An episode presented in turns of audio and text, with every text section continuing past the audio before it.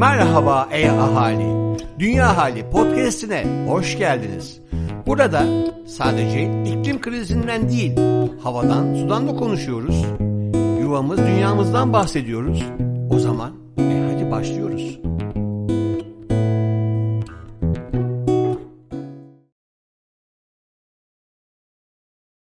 Dünya Hali Bülten No 45 Selam dünyalı. Ben Yonca Tokbaş, dört yapraklı yonca.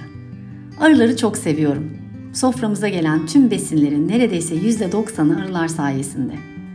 Bir arının ömürlük emeği bal, bir çay kaşığının 12'de biri kadar. Tek bir damla bal ziyan etmeyiniz. O bir damla bal bir koca ömürlük emek demek. Toprak anayı çok seviyorum. Toprağı iyileştirmek için yapabileceğim en kolay şey bokashi kompostu. Bugün buraya bizi dinlemeye geldiyseniz toprak, su, arı hepsine duyduğunuz ilgi ve sevgidendir. Arı sevgisi eğitimlerinin fikir ve marka hakkı sahibi olarak verdiğim eğitimler sırasında sevmek en büyük aktivistliktir demişti bana Deborah Roberts. Doğrudur. Sevdiğiniz her neyse onun için elinizden gelen en küçük adımı atabilmeniz dileğimle. Teşekkür ederim. İklim Masası Çağla Fadıllıoğlu Haberler Toprak ve su kaynaklarının durumu Gıda ve Tarım Örgütü tarafından yayımlanan Gıda ve Tarım için Dünya Toprak ve Su Kaynaklarının Durumu adlı 2021 sentez raporu, gıda ve tarım sistemlerinde kırılma noktasına yaklaşıldığının ve geleceğimizi korumak için bu kaynakları akıllıca yönetmemiz gerektiğinin altını çiziyor. Rapordan önemli bazı bulgular şu şekilde. Küresel gıda sistemlerinde oluşan görülen birçok etki, tarım sistemlerinin çökmekte olduğuna işaret ediyor. Tarımdaki mevcut yaklaşım sürdürülebilir değil. Şu anda dünyada bulunan toprakların yaklaşık üçte biri orta ila yüksek seviyede bozulmuş durumda. Her yıl yaklaşık 20 ila 37 milyar ton yüzey toprağı erozyona uğruyor. Bu durum mahsul verimini ve de toprağın karbon tutma kapasitesini düşürüyor. Küresel olarak yüzey ve yeraltı suyunun %72'si tarımda kullanılıyor. Artan su kıtlığı dünyada gıda güvenliğini risk altına atan en önemli durumlardan birisi. İhmal edilmiş toprakların bakımı, kuraklık ve su kıtlığı ile baş edilmesi, yeni teknolojilerin ve yönetim yaklaşımlarının benimsenmesiyle ele alınabilir.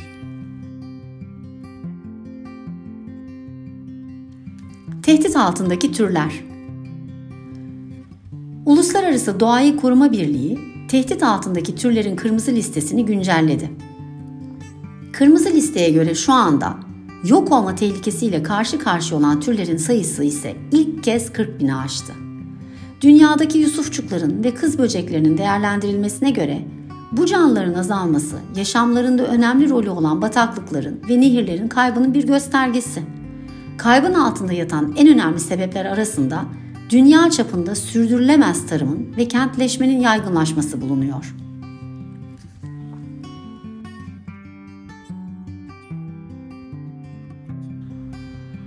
Köşe Bucak Dünya Profesör Doktor Levent Kurnaz Kıyamet Buzulu Uzmanlardan kıyamet buzulu uyarısı yazısını son zamanlarda bolca okumaya başladık. Antarktika ve Grönland üzerinde epey kalın birer buz tabakası var. Bu buz tabakaları eridiği zaman yeryüzünün deniz seviyesi bugünkünden 70 ila 80 metre daha yüksek olacak. Bugün bilimin tartıştığı konu bu erimenin nasıl olacağı ve ne kadar uzun süreceği. Bilim insanları deniz seviyesinde gelecekte oluşacak yükselmeyi hesaplarken Antarktika ve Grönland'daki buzulların hızla eriyeceğini hesaba katmıyorlar. İklim krizinin yaratacağı en büyük tehlike bu değil düşüncesindeler. Deniz seviyesinde yüzyılın sonuna kadar beklenen 1 ila 2 metrelik artış aslında ısınan deniz suyunun genleşmesi ve Himalayalardaki eriyen buzullara dayanıyor. Biraz da Antarktika ve Grönland'a. Isınan su genleşiyor okyanusların sıcaklığı birkaç derece artacağı için bu genleşmenin en önemli etmen olacağı düşünülüyor. Himalayalardaki buzulların üzerine de güneş ışığı düştükçe onları eriteceği hesaplanıyor. Kıyamet buzulu diye adlandırılan türdeki buzulların bir kötü özelliği var. Bunlar Antarktika ve Grönland'ın denize yakın sayılabilecek tepelerinden denize kadar uzanıyorlar. Bu buzulların kayıp denize düşmesini ise hemen kıyıda ve deniz üzerinde bulunan birkaç yüz metre kalınlıktaki deniz buzulları engelliyor. Deniz buzları eriyecek ya da kopacak olursa bunların tuttuğu dev buzullar da hızla yokuş aşağı kayarak denize düşebilirler. İşte esas tehlike burada. Çünkü bilim insanları deniz seviyesinde bu tür bir olaydan meydana gelebilecek yükselmeyi normal hesapların içine hiç katmıyorlar. Ancak kıyamet buzulu olarak nitelendirilen Batı Antarktika'daki Thwaites buzulunun aşağı kaymasını önleyen deniz buzunda çözülme başlamış. Uzmanlar bu çözülmenin yaklaşık 10 yıl içerisinde tamamlanacağı ve o zaman Thwaites buzulunun kayarak denize düşmesinin önünde bir engel olmadığını söylüyorlar. Bu da yaklaşık bir 10 yıl daha sürebilir. Tüm bu olay yeryüzünün deniz seviyesini 65 santimetre yükseltir. Yani 2000 yılına geldiğimizde İstanbul veya İzmir gibi sahil kentlerimizde deniz seviyesi çocukların oynadığı, büyüklerin gezdiği yerlere kadar ulaşabilir. Unutmayın bu durum deniz seviyesinde normalde beklenen yükselmeye ek olarak ulaşacak. Benim çocuklarım 2050'de sağ olsunlar diyenlerimiz için hiç de güzel bir haber değil. Neyse ki bu tür buzulların erimesi hesaba katmadığımızı bildiğimiz bir olay. Gelecekte ise esas olarak hesaba katmadığımızı bilmediğimiz olaylar uykumuzu kaçırmalı.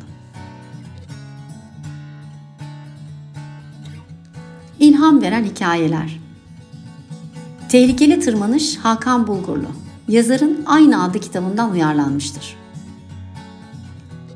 Apollo 8 ekibindeki 3 astronottan biri olan Bill Anders, 1968 yılının Noel arifesinde Mekiğin penceresinden bakarken gözüne bir şey takılır.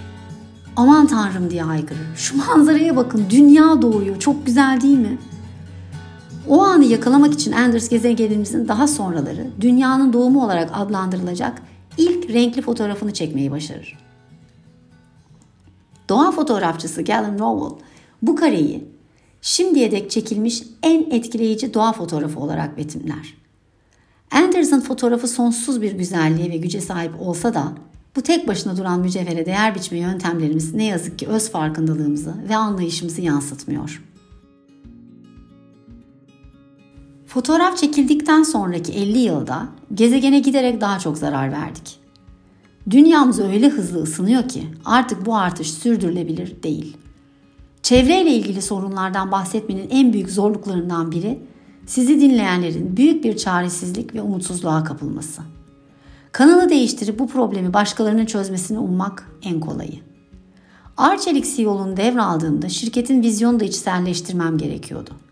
Sürdürülebilirlik hedeflerimizin organizasyonun her köşesinde uygulanmasını istiyordum. Bunu başarabilmek için de herkese örnek olmalıydım. Bu sırada üç küçük çocuk babası olarak çocuklarımın çevreyle ilgili sorularına yanıt vermekte gitgide zorlandığımı fark etmiştim.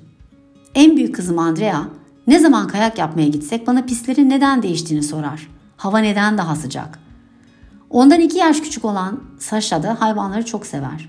Kırmızı et yemek istemez. Hatta benim neden yediğimi sorgular. Ağaçlara tırmanıp portakaldan nara ne bulduysa toplayan Oscar ise en küçükleri ve doğayla o kadar iç içe ki bunun değişmesini hiç istemem.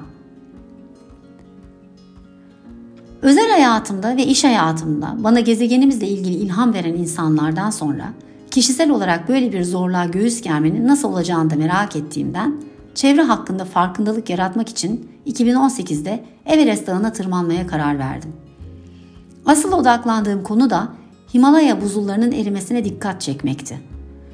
Buzullar 2 milyardan fazla insanın su kaynağıydı fakat son 40 yılda dörtte biri erimişti. Üstelik erime hızı da gittikçe artıyordu. Ben de bu konuda farkındalık yaratmak için bir iletişim kampanyası düzenlemeye karar verdim. Ancak gerçekten dikkat çekmek istiyorsak kampanyanın can alıcı bir noktası olması gerektiğine inanıyordum. Bunun için de bölgenin ve dünyanın en yüksek dağına tırmanmaktan daha iyi bir fikir düşünemiyordum. Fakat dağcı değildim. Bu süreçte benliğime dair beklediğimden çok daha fazla şey öğrendim. Sınırlarımı zorladım ve o zirveden bambaşka bir insan olarak döndüm. Çünkü beni daha iyi ve daha mütevazi bir lidere dönüştürecek bir yolculuk yaşadım. Tehlikeli tırmanış biraz da bu sıra dışı deneyimin öyküsü. Tabii aynı zamanda gezegenin ve içinde bulunduğumuz çevre krizinin de hikayesi.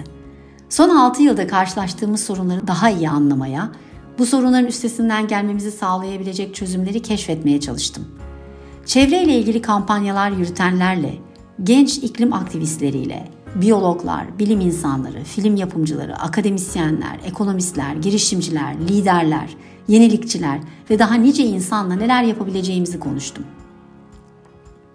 Tehlikeli tırmanış bu tartışmaları da masaya yatırıyor. İki ayrı anlatıda bir yandan kişisel yolculuğumu anlatmayı, bir yandan da ilham vermeyi ve bu iki hikayenin iç içe geçmesini hedefledim. Umarım başarabilmişimdir. Evet, bugün iklim krizi tehlikeli bir tırmanışta. Ancak deneyimlerim bana gösterdi ki en yüksek zirvenin bile üstesinden gelmek mümkün. Yeşil Köşe Hasan Güngör Atık Yönetimi İBB katı atık yakma tesisi açıldı. Geçtiğimiz hafta Türkiye'nin ilk, Avrupa'nın en büyük katı atıktan elektrik üreten tesisi resmi olarak hizmete girdi. Kemerburgaz'da kurulan ve yıllık 1.38 milyon ton sera gazı azaltımı gerçekleştirecek olan tesis, günlük 3000 ton evsel atığı bertaraf edecek. 85 megawatt saat elektrik üreterek 1.4 milyon kişinin tüketeceği elektriği sağlayacak. Yıllık 1 milyon ton atığın depolama sahalarına gitmesini önleyerek hem yakıttan tasarruf edilecek hem de vahşi depolama yöntemine göre atık gazların atmosfere serbestçe yayılması engellenmiş olacak. Atıklar kısaca şu aşamalardan geçerek elektrik enerjisi üretiliyor. Aktarım istasyonlarında toplanan evsel atıklar yakma tesisine silolar içerisine sıkıştırılmış halde getiriliyor. Sıkıştırılmış haldeki atık kazanlara boşaltılıp belirli nem seviyesine gelene kadar ısıtılıyor. İstenilen kıvama geldikten sonra yakma kazanlarında yüksek ısıda yakılarak türbinler vasıtasıyla elektrik üretimi gerçekleşiyor. Çıkan atık gazlar baca filtrelerinden geçerek Çevre ve Şehircilik Bakanlığı tarafından kayıt altına alınıyor.